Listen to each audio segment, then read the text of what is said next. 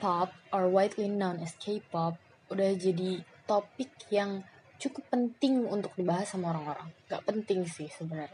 Cuman selalu aja jadi bahan omongan orang. Mau lo suka kek, mau lo enggak kek, pasti lo ada aja yang bahas K-pop.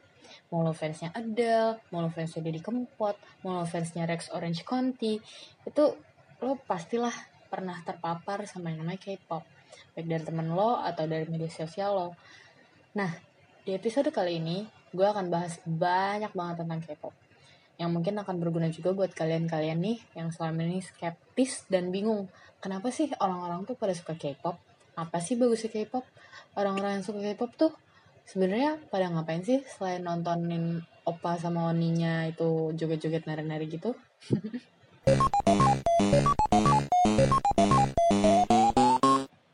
Iya, halo semuanya. Uh, setelah sebulan gue nggak, uh, setelah sebulan gue nggak rekam podcast uh, karena kebetulan uh, gue kemarin sempat bingung tuh gue mau bahas apa ya di next episode.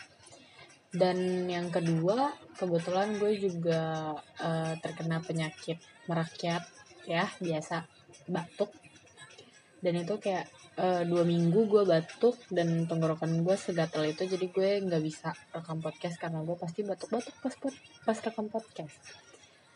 Uh, so seperti yang gue udah bilang di opening tadi, uh, hari ini gue akan bahas banyak banget tentang K-pop. Karena kebetulan waktu gue lagi bingung mau bahas apa, gue nanya-nanya nih sama orang-orang di Instagram sama di Twitter. Enaknya gue bahas apa ya? Dan kebetulan uh, topik yang paling banyak diminta sama orang-orang adalah tentang K-pop. K-pop live ya kayak gitu gitulah pokoknya. Tadinya tuh beberapa teman gue di Instagram bilang bahas K-pop live lo dong gitu. Terus gue mikir hmm kayaknya kalau K-pop live gue nggak rame deh. Makanya gue akhirnya gue seperti biasa melempar pertanyaan ke Twitter. Tapi beda sama yang college life kemarin, kali ini pertanyaannya lebih banyak. Yakni ada 10 polling dan 10 open question. Banyak banget nggak tuh? Oke, okay. eh, kita langsung aja nggak usah banyak-banyak ngomong supaya nggak lama-lama. Uh, pertanyaan pertama gue itu adalah uh, standar sih sebenarnya. Lo mulai suka K-pop tuh di tahun berapa sih? Pilihannya tuh ada tiga eh empat gue ngasih pilihan tuh empat uh, jawaban yang paling banyak adalah 61% itu orang-orang pada suka suka K-pop di circa 2007 sampai 2012 terus yang kedua adalah uh, yang suka K-pop di 2013 sampai 2018 which means itu recently gitu ya. Dan sisanya itu uh, eh, 3% itu sukanya sebelum 2007 dan 0% sukanya 2019 berarti itu artinya temen Twitter gue nggak ada yang baru suka K-pop tahun ini.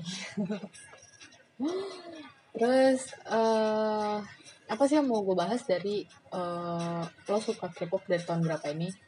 Uh, gue akan sedikit menyenggol uh, tentang K-pop group generations. Jadi di K-pop ini uh, grup-grupnya tuh kayak dibagi uh, ke empat generasi gitu. Uh, opininya sih kebanyakan bilangnya empat generasi sebenarnya. Uh, ada juga yang bilang sebenarnya kayak uh, sekarang tuh masih generasi ketiga gitu. Terus ada juga yang bilang udah masuk generasi kelima. Ya nggak tau lah gue ambil jalan tengah aja empat generasi.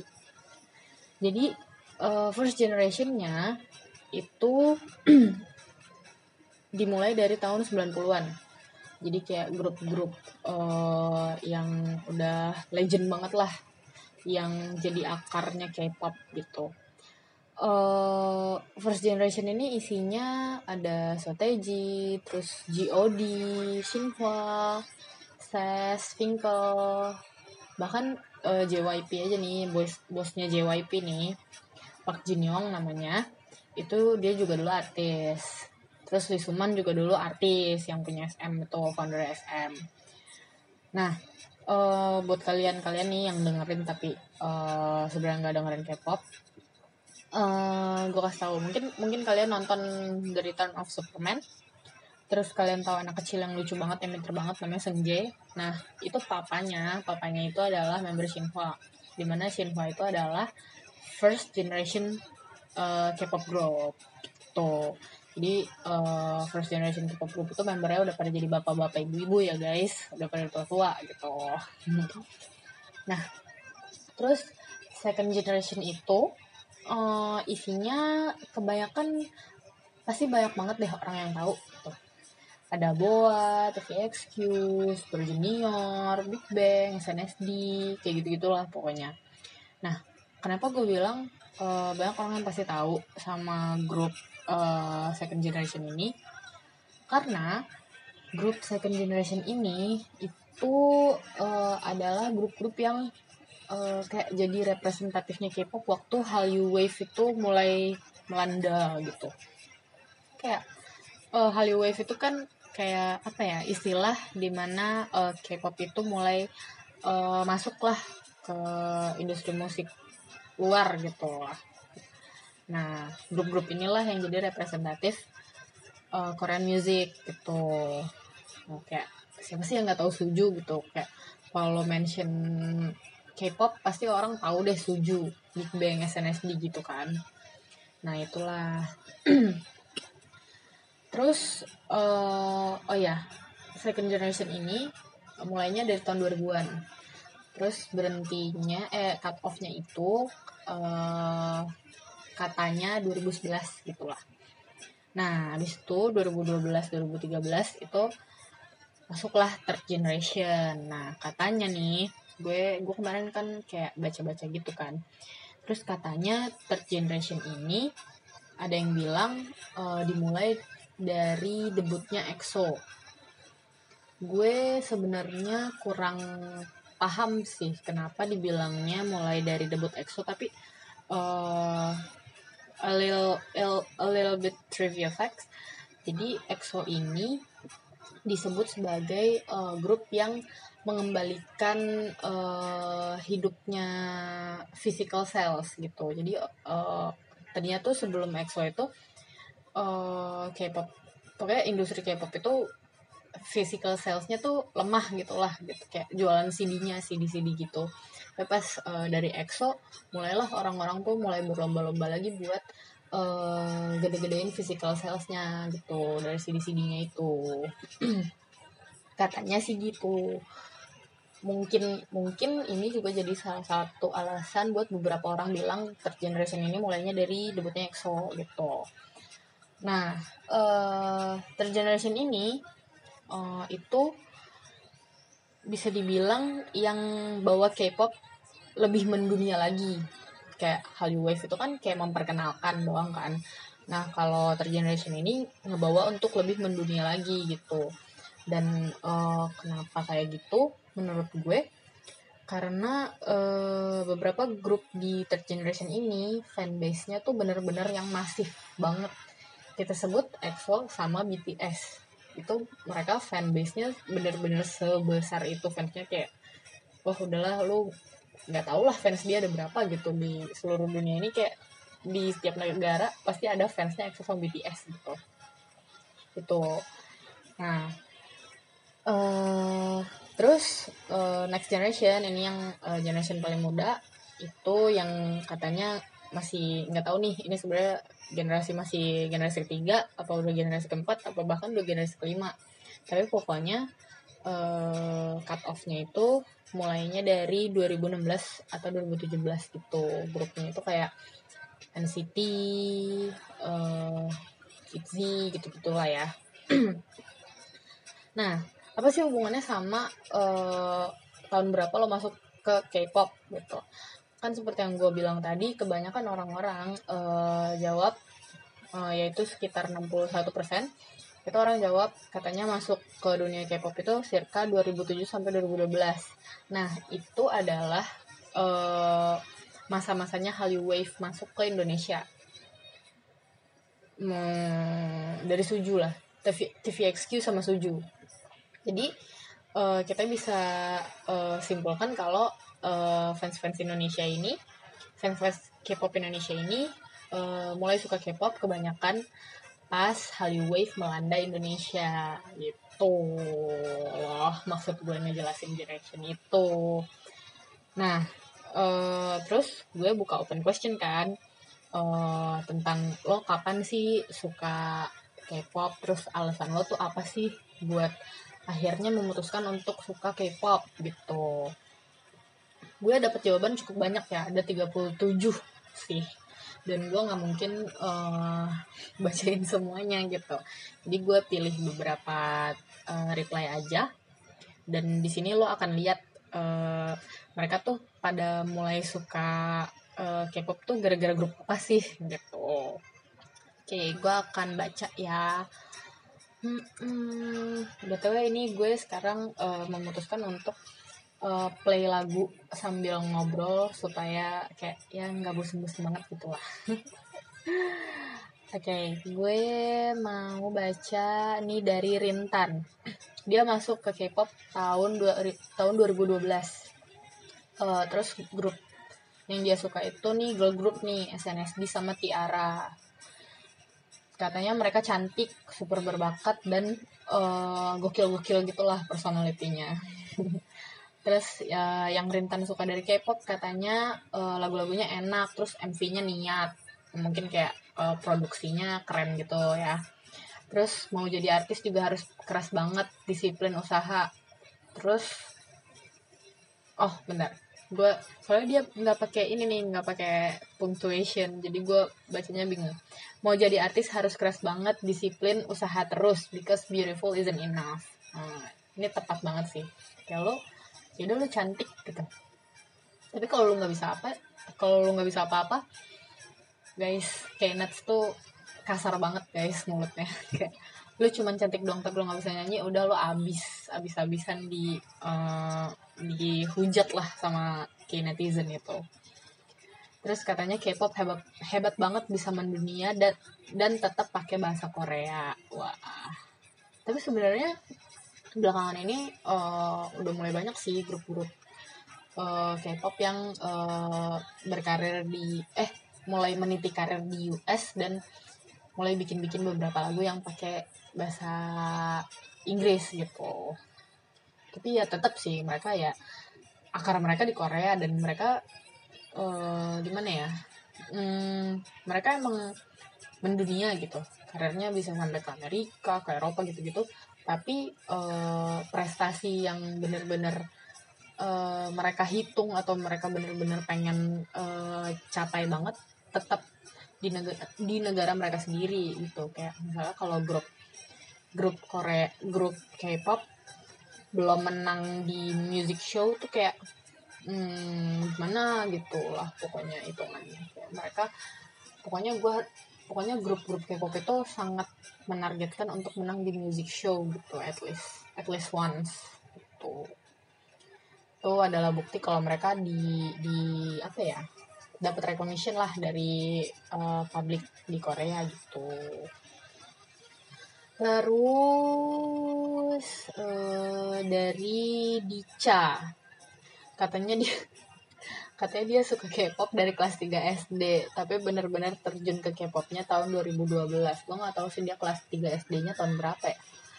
Grup pertama dia itu EXO tapi sekarang udah bukan. Oh ya udah nggak apa-apa sih. Gue maklum kok kalau orang banyak yang awalnya suka EXO tapi enggak soalnya EXO itu ya guys hmm, dia tiga membernya tuh out exit. Jadi gue maklum banget orang pada uh, keluar dari fandom karena ya mungkin biasanya udah nggak ada jadi ya udah gitu gue karena ini pengalaman pribadi gitu teman-teman gue banyak yang udah nggak suka EXO lagi karena biasanya udah nggak ada gitu Terus katanya si Bica dia suka K-pop karena ngilangin stres aja sih, apalagi mereka cakep-cakep kan tuh, cie. eye candy gitu ya, eye candy. Betul ini lucu banget sih dia suka dari kelas 3 SD tuh kayak mau mengingatkan gue pada adik gue. Sebenarnya dia tuh ya dia nggak minta untuk suka K-pop tapi karena kakaknya suka K-pop jadi dia dengerinnya K-pop juga gitu loh gue nggak pernah berniat meracuni dia juga cuman kayak ya udah dia nerima nerima aja terus ya udah tapi kebetulan gue gue dia sekarang udah SMA cuman gue tetap membatasi dia gitu loh kayak hmm, lo nggak usah beli albumnya lo kan gak punya duit gitu gitulah pokoknya. Tapi kadang gue kayak suka bercanda bercanda gitu kayak gue abis abis beli album eh patungan ya albumnya bayar lo gitu. Tapi ya kalau dia nggak bayar ya udah nggak usah gitu. Terus apalagi ya? Hmm, nih dari tim. Dia katanya suka suka K-pop itu di 2008 karena sempat dikenalin sama teman sekamarnya waktu Shiny baru banget debut. Terus kalau nggak salah Suju lagi promosi You. Cause I can't stop. Terus dia sekarang sempat suka bentar. Uh, 2009 teman-temannya yang tadinya mocking tim karena suka K-pop malah jadi pada suka. Terus terus timnya jadi malah nggak suka gara-gara mereka. Oke, okay ini agak lucu juga ya gara-gara temennya pada tiba-tiba suka Korea timnya malah jadi nggak suka sebel ya terus uh, katanya pas 2012 ketarik lagi gara-gara EXO tuh kan EXO pokoknya lo awal masuk biasanya tuh gara-gara suju terus kalau misalnya lo sukanya pas tahun 2012 pas third generation tuh biasanya gara-gara EXO Oke. Okay. Terus katanya tim itu sukanya karena lagunya catchy, terus kagum sama Korea dan stamina mereka. Terus K-pop fans juga dimanja banget sama variety shows, variety shows yang seru-seru dan dynamic fandomnya juga seru walaupun kadang ngeselin. Emang fandom tuh ntar deh kita bahas ya di sesi 3. Terus dari siapa lagi nih? Dari Ajeng. Suka pertama kali tuh 2008. Uh, sukanya tuh PM. Awalnya amazed banget gara-gara mereka bisa debut melalui training keras. Lagunya juga easy listening dan pasti idolnya punya charm yang berbeda dari western artist. Bener nih, gue setuju sih.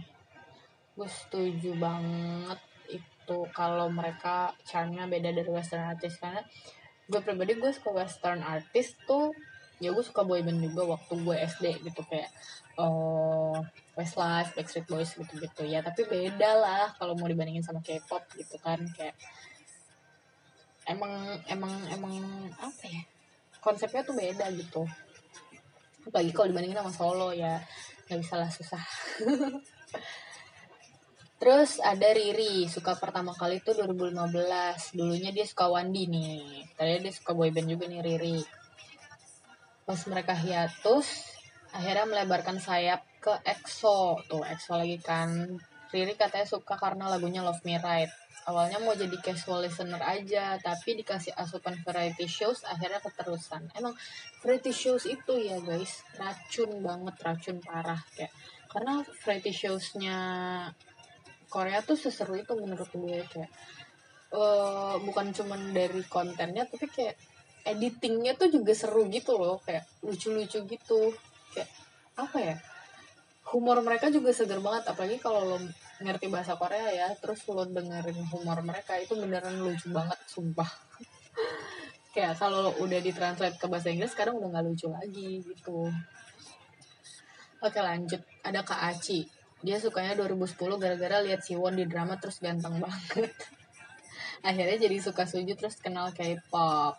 Emang sih Siwon tuh ganteng banget sih. Bahkan sampai sekarang pun dia ganteng gitu ya kayak ganteng-ganteng bapak-bapak charming gitu lah Iya Siwon tuh udah bapak-bapak ya guys. Dia tuh kelahiran tahun 86 Di mana kalau di Indonesia tuh 86 biasanya udah punya anak dua. Iya gak sih? Sepupu gue sih udah punya anak dua sih kalau nggak salah ya. Terus uh, katanya Kak Aci suka cara idol K-pop representing themselves in variety shows itu yang menurut dia unik dan gak kayak artis-artis negara lain yang akhirnya jadi bikin suka mereka bukan musiknya aja tapi juga pribadinya mantap Terus ada Kamita, dia sukanya 2009 sampai 2010 gara-gara Shiny. Dulu sih emang buat hiburan aja karena demen lagu dan dance-nya. Tapi lama-lama jadi mentepin karena su karena tahu mereka buat debut itu harus menjalani latihan bertahun-tahun alias nggak gampang. Ini benar banget. Uh, to be honest, gue waktu awal-awal suka Korea ya gue nggak peduli gitu bukan nggak peduli sih kayak ya gue nggak tahu kalau jadi artis K-pop sesusah itu terus uh, gue baru sadar itu setelah uh, Hangeng keluar dari Super Junior kayak oh berat banget nih uh, dunia K-pop terus gue mulailah mencari-cari terus gue baru benar-benar tahu benar-benar sadar itu pas uh, EXO menang first day sangnya itu gue hampir gue hampir nangis apa udah nangis ya denger speech mereka. Itu kayak uh, akhirnya gue sadar kalau mereka tuh they've been through a lot of hardships gitu. Dan itu bukan cuma terjadi ke EXO tapi ke banyak sekali grup dan semua grup K-pop gitu ya mereka training bisa bertahun-tahun terus kayak trainingnya juga nggak gampang terus uh, jaminan debut juga nggak ada gitu kan. Kecuali lo benar-benar talented dan and you have the visual gitu. Oke okay, terus lanjut uh, ada Bu Kecap. Dia suka kayak dimulai di 2008 karena dulu suka aktif di komunitas fan artist deviant art terus ada temen yang suka gambar TVXQ terus baru deh dia uh, kepoin nih tentang TVXQ mulai nontonin MV sama diskografinya. Terus kecemplung deh. Dari situ mulai kenal Suju 2PM Big Bang sama Shiny. Keren. Terus uh, yang terakhir dari Asti dia suka 2011 di 2011 gara-gara Suju uh, awalnya karena pas SMA dia kesel banget sama temennya yang nyanyi mulu. Akhirnya dia kepoin terus oh iya ya lagunya enak gitu. Tapi habis itu dia kepo terus malah kecemplungnya di suju karena Koreanya asik dan adiktif. Bener-bener bener nih gue juga gue cerita gue kecemplung K-pop tuh mirip-mirip sama Asti. Jadi dulu gue waktu SMP itu teman gue ada yang kerjanya uh, muter lagu suju mulu. Terus kayak nanya itu lagu apa sih? Lagu India ya? Ternyata lagu Korea kan. Terus kayak gue denger oh iya iya iya lucu juga nih lagu gitu kan. Kebetulan dulu waktu SMP tuh gue dengerinnya yang kayak My Chemical Romance Panic at the Disco gitu-gitu kan. Jadi lagu-lagu kayak gitu tuh kayak new banget buat gue gitu. Terus akhirnya gue kepoin terus tuh oh bagus juga nih K-pop. Terus kayak kok cakep-cakep nih? Gitu. Terus kayak akhirnya ya udah gue mulai kepoin terus gue suka suju deh mulai dari saat itu. Oh ya terus waktu itu gue kelas 3 SMP kan. Terus uh, teman gue yang lain milih lagunya TVXQ buat uh, ambil nilai akhir aerobik. Ya udah kayak wah lagunya ini juga enak nih. Terus gue abis itu kalau nggak salah 2009 itu gue su, uh, ini ada BBF ya BBF nah gue nonton BBF juga dia tuh. Udah deh kecemplung lah. Terus di BBF itu kan Shiny isi OST udah gue gue uh, lihat Shiny juga. Gue udah makin lama makin kecemplung kecemplung kecemplung. Udah sampai sekarang udah 10 tahun gue suka K-pop. Oke, okay, jadi uh, kalau gue boleh rangkum, uh, alasan mayoritas orang-orang suka K-pop ya pertama gara-gara lagunya catchy terus kedua gara-gara Koreanya keren gitu. Habis itu juga gara-gara variety showsnya banyak. Habis itu personality member-membernya pada lucu-lucu dan menarik sama karena kagum sama perjuangannya untuk jadi idol yang cukup sulit. Kayak ya bener sih. Uh, menurut gue banyak banget emang alasan untuk lo suka K-pop. Bukan kayak kalau lo mau nice music honestly speaking K-pop has a lot of it. Atau gak usah K-pop deh uh, kita ngomongin Korean music in general gitu. Yang bukan cuma isinya yang idol doang gitu. Uh, sebenarnya Korean music itu sama aja sama musik-musik lain yang kalian denger cuman aja dia bahasanya bahasa Korea gitu.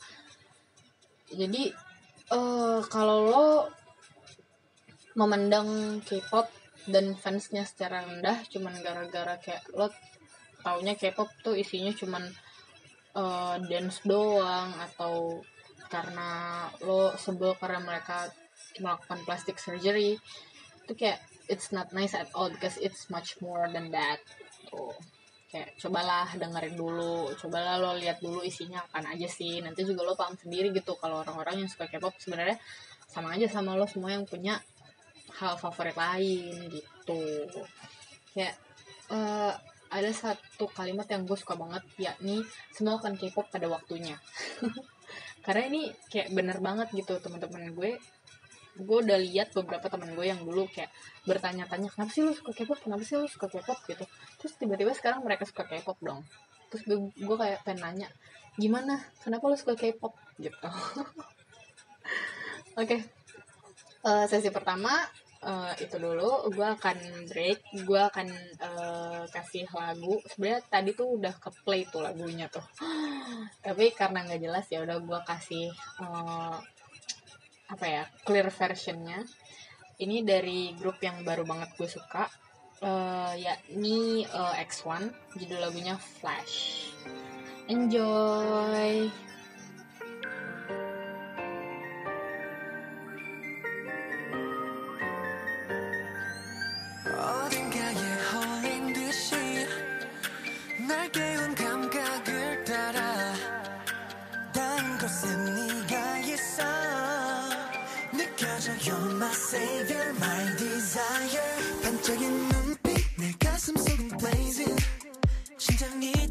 듯해. 너무 빨라진 듯해. 이젠 점점 차오르는 내 게이지. 기다릴 필요는 없어. 이미 준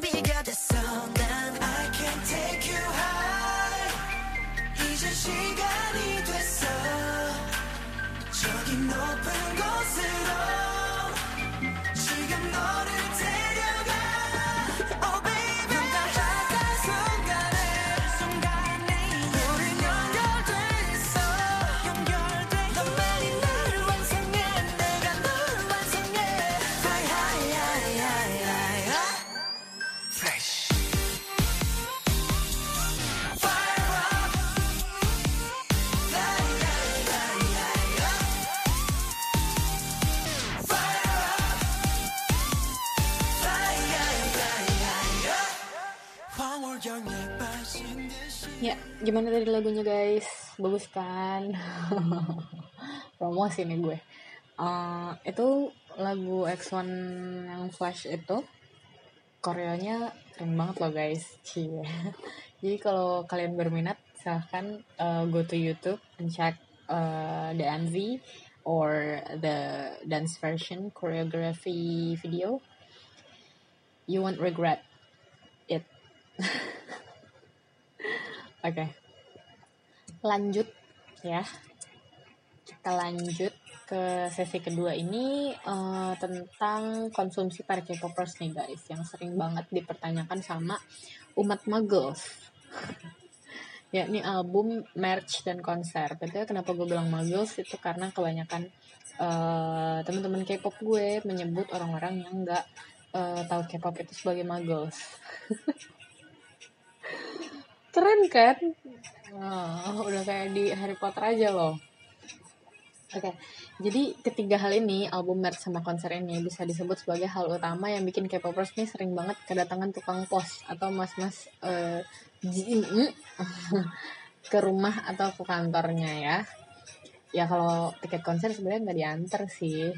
Ya pokoknya ya ngeluarin duit lah gitu jadi pertanyaan keduanya itu cuman gini doang buat pollingnya ya buat pollingnya. Kayak lo beli album gak sih? Beli merch gak sih? Nonton konser gak sih? Surprisingly uh, resultnya itu identik. Ya ini 70% dari uh, followers followers gue itu uh, bilang iya. Mereka beli album mereka beli merch dan nonton konser. Sisanya tuh enggak.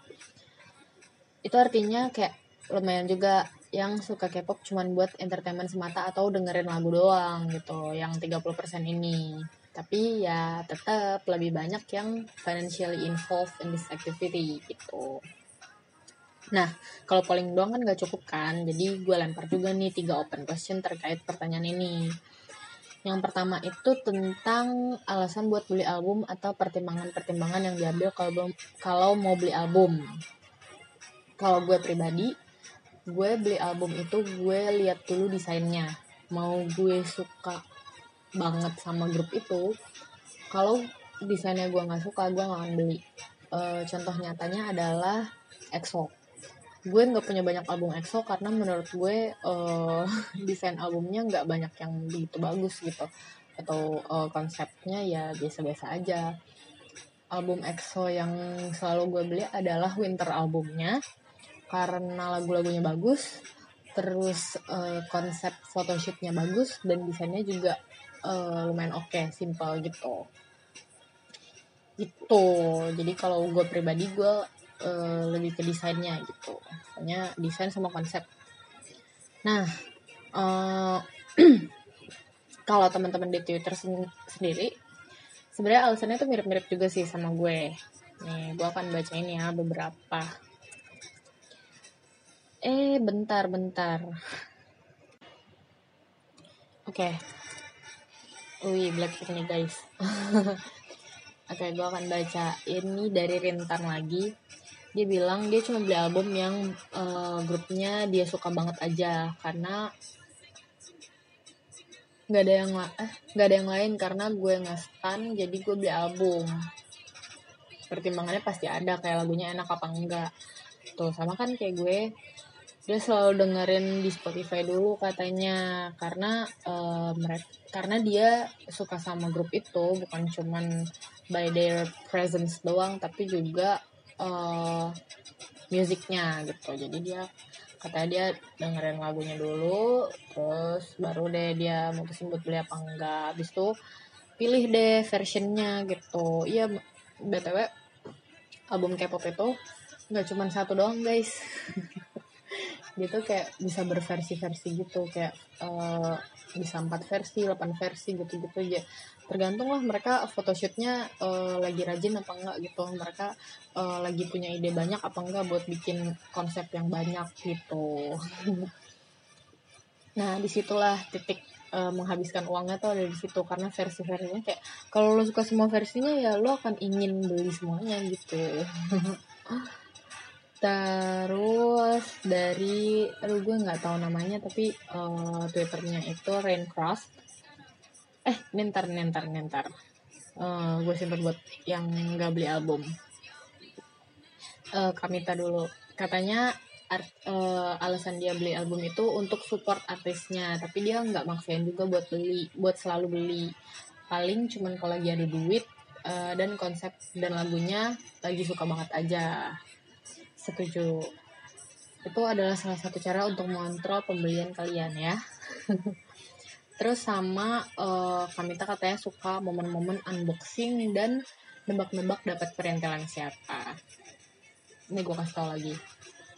Jadi album itu satu K-pop, eh satu satu K-pop goblok.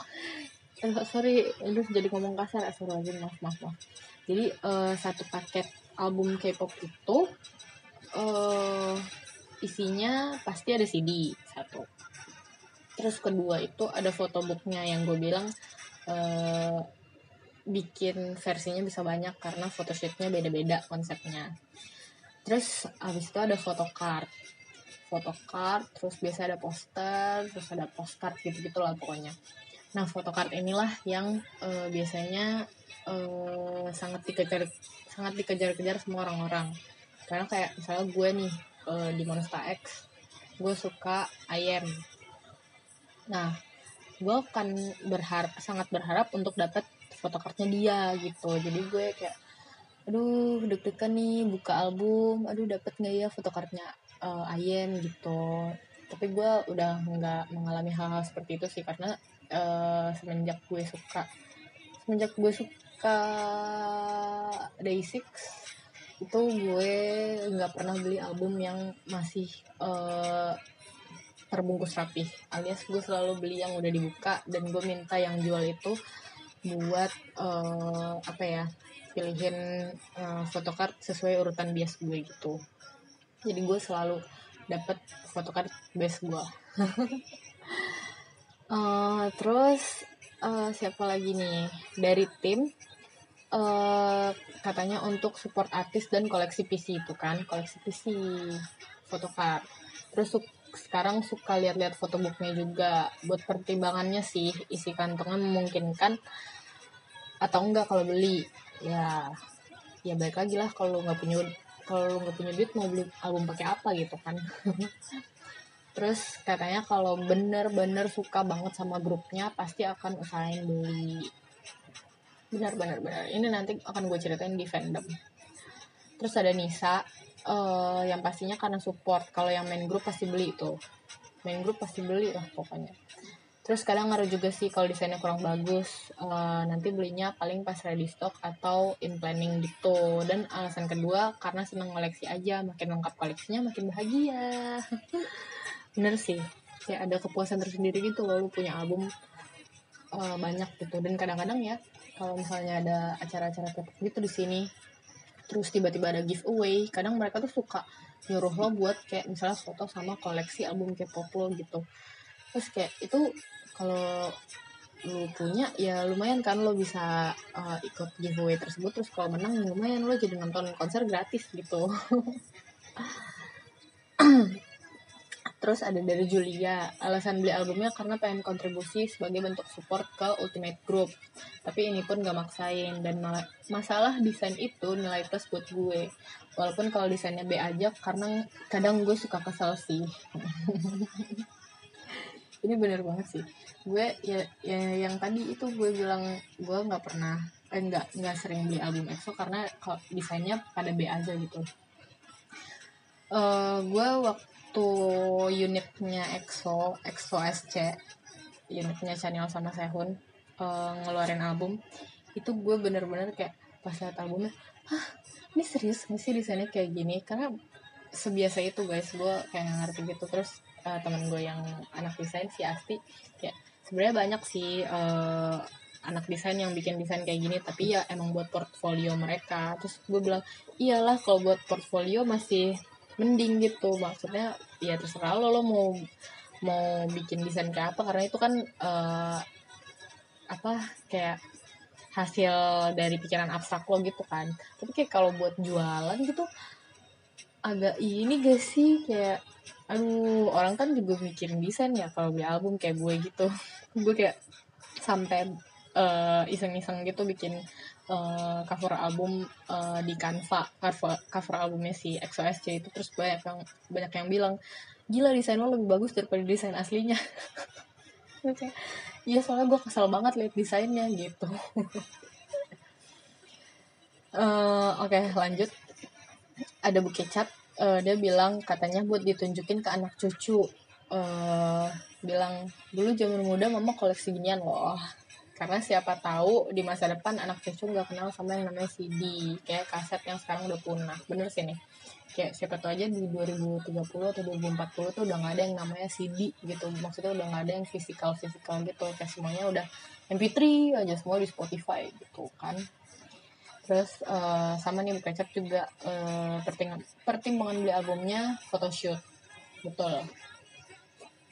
Itu penting banget terus Gaby juga uh, sama nih alasannya uh, buat kenang-kenangan masa tua biar bisa reminis dulu uh, suka kepopan terus suka si ini sampai beli ginian ada yang belinya susah banget dulu. Bener sih gue kayaknya uh, saat tua nanti gue akan banyak uh, reminis oh ya ampun gue dulu uh, ngeluarin duit buat beli ginian ya gitu. Terus Asti uh, dia bilang belinya buat kepuasan pribadi selebihnya karena isi fotobooknya dan desainnya juga lumayan penting. Uh, sama sih sekarang juga gitu tapi mindset kepuasan pribadi juga karena gue ngerasa bisa bantu dikit favorit grup gue betul. Iya loh kayak ini tuh istilahnya kayak lu bisa nafkahin uh, grup favorit lo gitu aja nafkahin loh. Terus uh, tambahannya uh, dia beli album mentingin fotobook itu juga sekalian buat referensi kerjaan. Tuh tuh guys bisa buat referensi kerjaan juga loh kalau kerjanya di desain atau fotografi kan. Lumayan gitu. Jadi bukan cuma buat oh, ini ganteng gitu. Ya itu juga poin sih. Gue juga kayak ya ampun ya ampun ayam ganteng banget gitu kan. Oke okay, terus selanjutnya uh, kan tadi ada yang uh, ini nih bilang uh, 30 persennya kan nggak beli. Nah uh, apa sih alasannya? Mana tadi yang mau gue baca? Nih nih nih nih. Uh, si Ryan Cross tadi nggak beli album soalnya suka Koreaan gini sebenarnya juga diem-diem karena ortu nggak suka. Ini gue waktu SMA gue pernah dimarahin sama nyokap gue beli album karena buat apaan sih? Gitu. Terus kebetulan ya waktu itu gue salah juga sih karena duit juga masih dari orang tua gue terus gue beli gituan gitu kayak salah emang. Jadi gue waktu SMA itu gue nggak beli apa-apa. Uh, terus waktu kuliah juga gue beli uh, beli ya gue gue lupa deh. Kalau nggak salah pas kuliah gue udah mulai dimaklumin gitu. Ya udah. Sekarang juga semakin dimaklumi karena ya udah duit duit gue gitu terus uh, ada juga Aran nih. Dia bilang jarang beli album cuma punya empat kayaknya. Soalnya pertimbang pertimbangan beli album itu aku suka nggak tahu mau taruh di mana dan sayang kalau udah nggak hype grupnya lagi. Jadi kalau desainnya bagus banget dan perintilan albumnya fungsional baru beli deh. Bener sih storage-nya sih. Kayak gue gue punya album udah berapa ya? Udah 20 lebih deh kayaknya. Itu gue bingung juga sih naruhnya di mana. Untungnya uh, laci gue masih muat buat eh, album-album gue yang sekarang. Belum tambah sama yang nanti akan gue beli lagi. Cuman menurut gue kalau alasan nanti udah nggak hype grupnya lagi sebenarnya itu album bisa dijual lagi sih. Karena pasti ada aja yang nyari gitu yang baru-baru suka. Misalnya kan kayak gue waktu baru suka masa X tuh gue udah ketinggalan berapa album ya? Tiga, tiga. Gue udah ketinggalan tiga album. Terus kayak pas itu gue beli album dia album mereka yang di tahun 2015 ya udah. Eh 2016 ya udah gue beli lagi. Kayak fans fans baru kan kadang suka masih ada keinginan untuk uh, koleksi album-album lama juga kan gitu. Terus siapa lagi ya yang bilang nggak bisa? Ah nih nih nih Ana sejauh ini belum punya album pertimbangannya karena sering pindah domisili dan gak rajin merawat barang Iya sih kayak sayang sih kalau misalnya album lo uh, didiamin doang terus rusak gitu jadi nggak bisa dijual lagi sayang. Tapi ada beberapa album yang pengen punya karena desain dan kontennya tuh. Kurang lebih emang alasannya itu sih desain sama konten ya. Terus uh, kita akan pindah ke merchandise lanjut ke merchandise uh, merchandise itu sendiri ada jenisnya tuh misalnya merchandise konser terus season greetings atau fan kit fan kit gitu kayak fan kit membership gitu. Nah gue lempar pertanyaan tentang merch ini gue bedain jadi dua yakni merch official sama merch unofficial. Sebenarnya sih pertanyaannya sama aja kayak alasannya apa sih mau beli merch gitu terus sebenarnya jawabannya pun mirip-mirip gitu. Alasannya tuh mirip-mirip gitu. Karena ee, misalnya si Aran nih karena support grupnya dan merchnya pada lucu-lucu gitu. Terus tapi kalau merch ini biasanya ada pertimbangan lain yakni kalau misalnya nggak fungsional nggak e, dibeli gitu. Kayak misalnya cuma benar-benar perintilan tok gitu kayak nggak bisa lo pakai buat apa-apa tuh biasanya nggak beli gitu. Terus uh, ada Rista bilang aku belum pernah beli merch apa pun kecuali lightstick MX yang versi 1 itu juga nggak niat beli terus tiba-tiba temen ngajakin terus kebetulan ada rezekinya ya udah beli. Oh ya btw kalau lightstick itu ya gue juga uh, gue bukan tipe yang akan beli lightstick pas baru keluar gitu. Gue baru akan beli lightstick kalau gue udah yakin ini grup bakal ke sini atau gue mm, bakal nonton konsernya. Kayak soalnya kalau gue beli terus nggak kepake buat apa gitu kan? Soalnya lightstick tuh mahal banget loh lima ratusan. lima ratus sampai enam ratus. Kayak ngapain gue beli kalau gue nggak pakai nah makanya gue punya lightstick itu light light stick light band pertama gue tuh adalah yang punya Day6 karena gue nonton konsernya kan. Terus habis itu waktu itu gue nonton konser Monster X di Kuala Lumpur gue langsung beli pas gue udah dapat tiket gue langsung beli uh, lightsticknya nah sekarang nih gue mau nonton EXO gue belum punya lightstick nih gue nggak tahu nih beli beli di mana. Sedih banget soalnya. Terus gue sebenarnya beli lightstick kok kayak ikhlasnya ikhlas gitu loh. Soalnya mahal banget guys. Pusing gue. Terus gue baca lagi ya uh, beli match cuman yang bisa dipakai aja kayak hoodie atau tote bag gitu. Tapi nggak tiap merch yang keluar ada hoodie dan tote bagnya dibeli juga sih. Ya iyalah. Lu mau koleksi berapa nggak sih hoodie sama tote bag kalau beli mulu? Mahal juga loh. Kayak hoodie di konser itu ya misalnya itu bisa ada yang sampai sejuta tuh. Gue kayak oh my god gue cuma bisa melihat dengan nanar gitu. Kayak aduh ini hoodie bagus banget tapi mahal banget. Gue mendingan tukar tambah HP sih kalau sejuta. Terus ada yang bilang beli kalau harganya worth it sih. Sama kalau desainnya lucu dan bisa dipakai sehari-hari itu emang biasanya orang-orang tuh ya gitulah uh, apa pertimbangannya kalau bisa dipakai gitu. Kayak kalau gue tuh beli merch konser biasanya ya uh, photocard. Photocard tuh kayak kalau emang lucu gue beli gitu. Tapi kalau misalnya yang benar-benar berguna tuh misalnya uh, beli tote bag beli eco bag beli um, apa lagi ya yang ini kayak passport case kayak gitu-gitu. Passport case juga kalau misalnya desainnya Nora gue nggak mau beli sih. Kayak kamu K-pop banget gitu kelihatan banget nih K-popnya. Gue nggak mau beli Terus uh, ada juga nih yang bilang kayak uh, ada kepuasan sendiri aja kalau punya merch. Kayak wah akhirnya aku punya merch gitu. Terus apalagi ya? Uh, oh misalnya ada uh, kayak ini sebenarnya nggak official dari labelnya tapi mereka ada uh, collab nih sama brand lain gitu. Misalnya gue uh, Monster X itu kemarin collab sama Tutak Gom. Itu mereka ngeluarin boneka boneka boneka gitu lucu banget guys. Nah gue beli tuh tutak gom karena kayak bonekanya limited gitu kan. Terus gue emang suka boneka jadi gue beli deh tuh tutak gom gitu kan bonekanya. Terus kayak udah gitu pas gue tahu store-nya bulan Desember tutup tuh gue langsung buru-buru sih nitip sama teman gue yang ke Korea terus kayak please please please gue mau beli. Daripada gue nyesel gitu kan.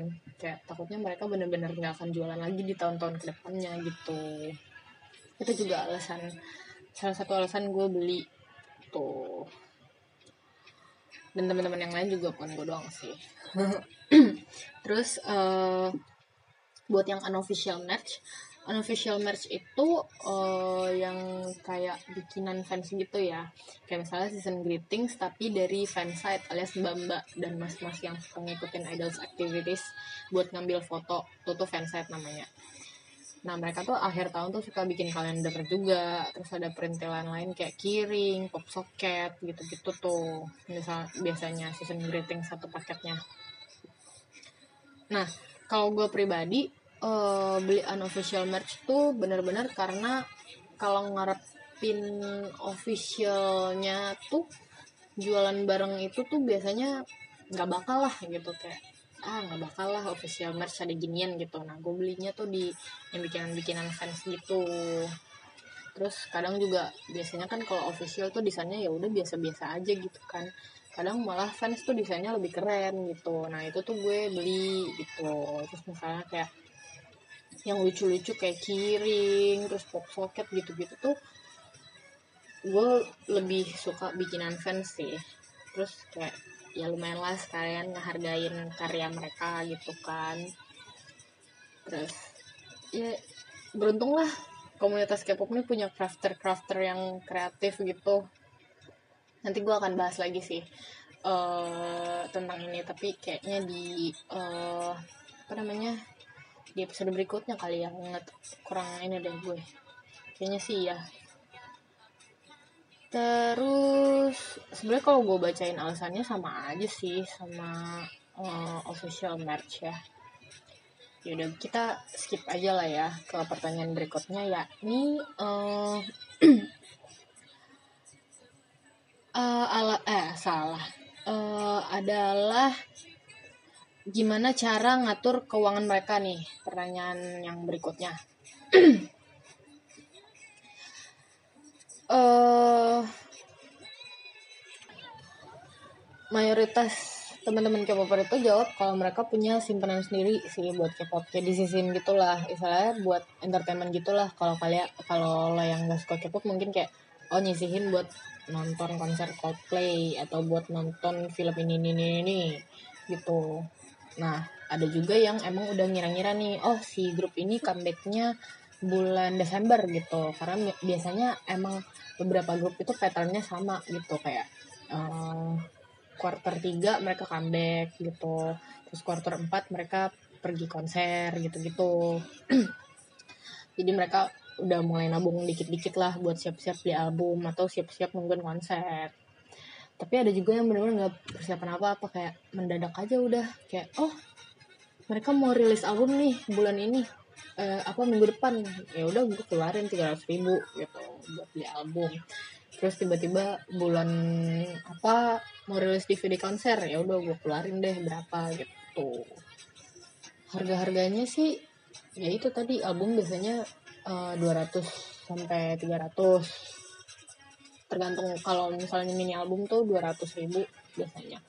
Kalau full album uh, eh, 300 terus kalau misalnya DVD konser tuh karena dia kayak bisa dua DVD gitu terus ada perintilan-perintilannya bisa sampai 500 600 gitu. Terus stick kan tadi gue bilang ya 500 600 juga. Oh ya segitu segitulah kok. Terus kalau beli photocard sendiri itu uh, bisa bisa 50 ribu gitu gitu terus uh, ada juga jawaban yang menurut gue lucu banget nih tentang ngatur keuangan K-pop. Eh keuangan selama K-pop. Dia bilang dia nggak ngatur nggak ngatur duit apa nggak ngatur apa pun. Pokoknya tiba-tiba duit duitnya hilang aja. Tapi serius nih jangan sampai jangan sampai lo impulsif gitu. Karena uh, kayak ya ntar lu tiba-tiba nggak punya duit aja gitu kan sayang ya. Kayak kalau kalian tipe-tipe yang impulsif ada baiknya kalau kalian uh, punya temen yang bisa nahan. Kalau gue pribadi nih gue termasuk temen yang menahan temen gue untuk gak impulsif karena gue anaknya cukup pelit dan banyak mikirnya kalau mau beli sesuatu. Jadi gue bisa kayak gak usah lah lo beli itu. Kayak lo kan udah beli yang mirip kemarin gitu. Buat apa gitu. Intinya orang-orang yang mau beli perintilan ini tahu kok gimana mau ngatur keuangan mereka. Ya mereka nggak semerta-merta. Abis itu cuma makan nasi sama abon doang sebulan gitu gara-gara duitnya buat kepop semua. Mayoritas teman-teman gue tetap hidup dengan baik tetap beli boba tetap makan enak tetap makan uh, yang mewah-mewah. Jadi kalau lihat orang beli album kalau tertarik ya lo tanya-tanya lah terserah. Kalau tanya-tanya lah mereka tuh kenapa sih beli album gitu? Eh lihat dong lihat dong gitu. Kalau nggak tertarik ya udah lo nggak usah ngeledekin atau mandang rendah hobinya oke? Okay? oke okay, kita break dulu. Uh, lagu berikutnya adalah uh, lagunya EXO ya guys. Judulnya Love Shot oke okay, enjoy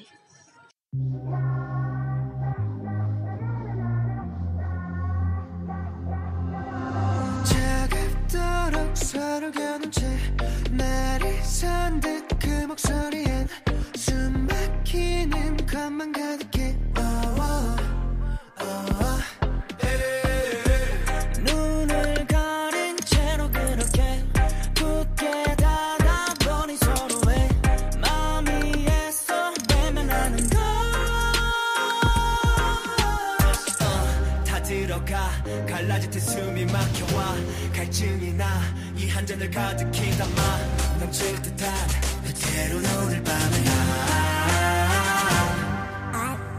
It's the love shot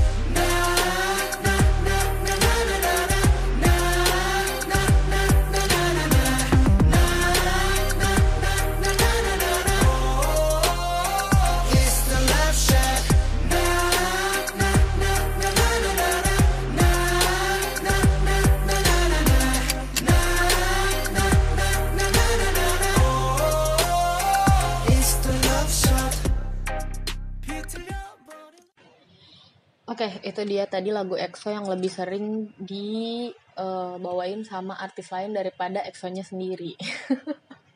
Ini gue serius loh guys, bener-bener uh, banyak lebih banyak uh, artis lain yang bawain lagu Love Shot daripada EXO-nya. Bener-bener EXO tuh bisa dihitung jari deh bawain Love Shot berapa. Sebelum mereka konser ya.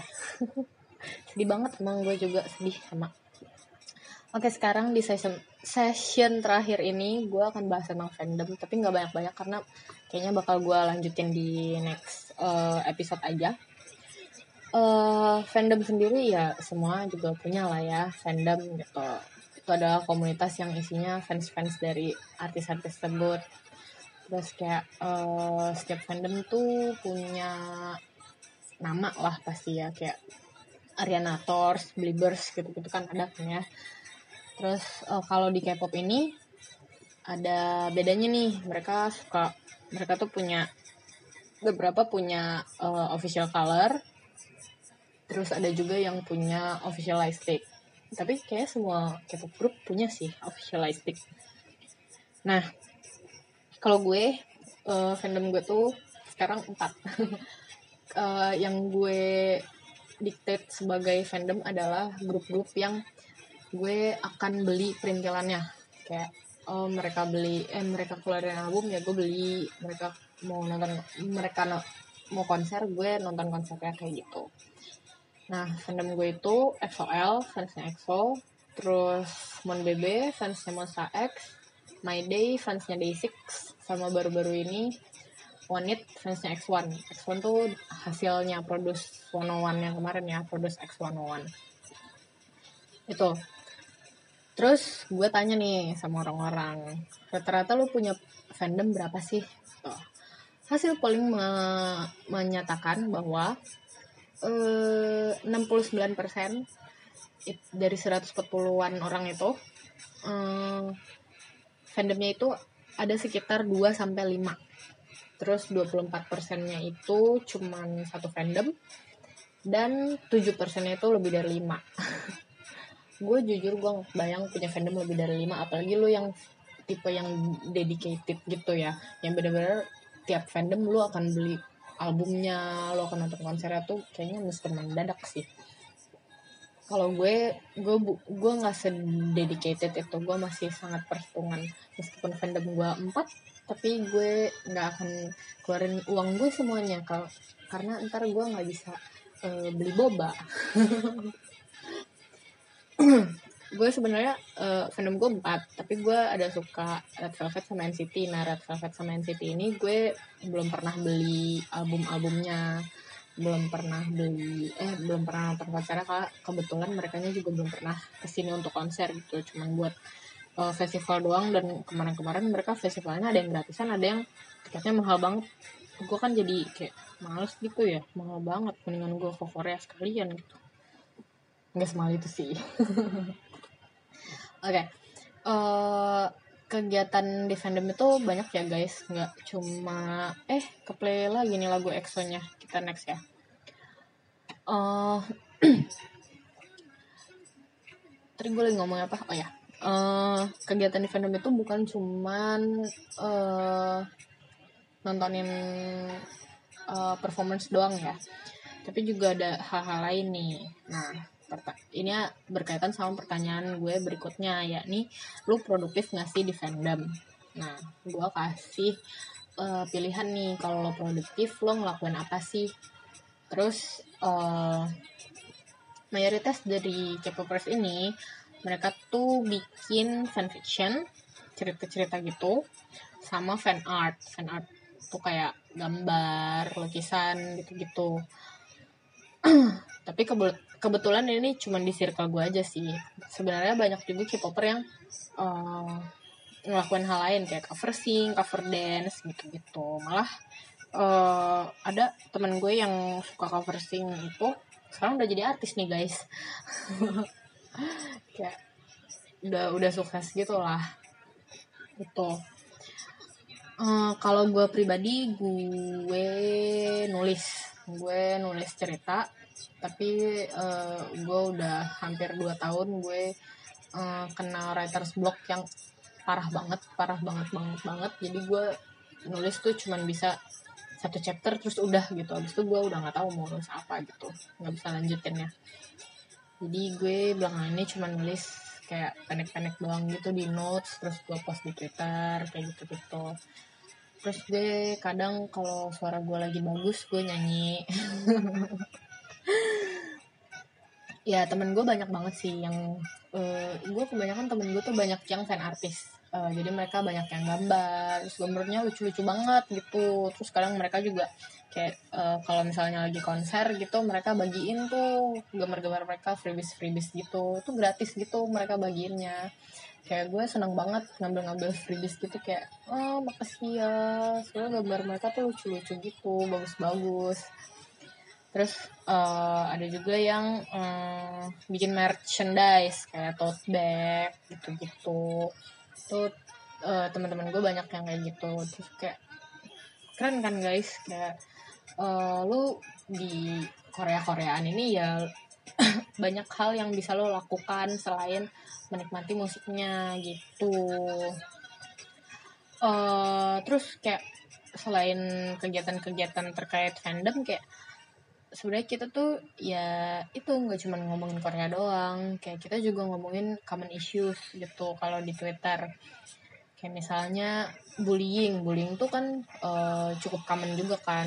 Uh, baik di Korea itu sendiri atau bahkan di negara kita sendiri gitu kan.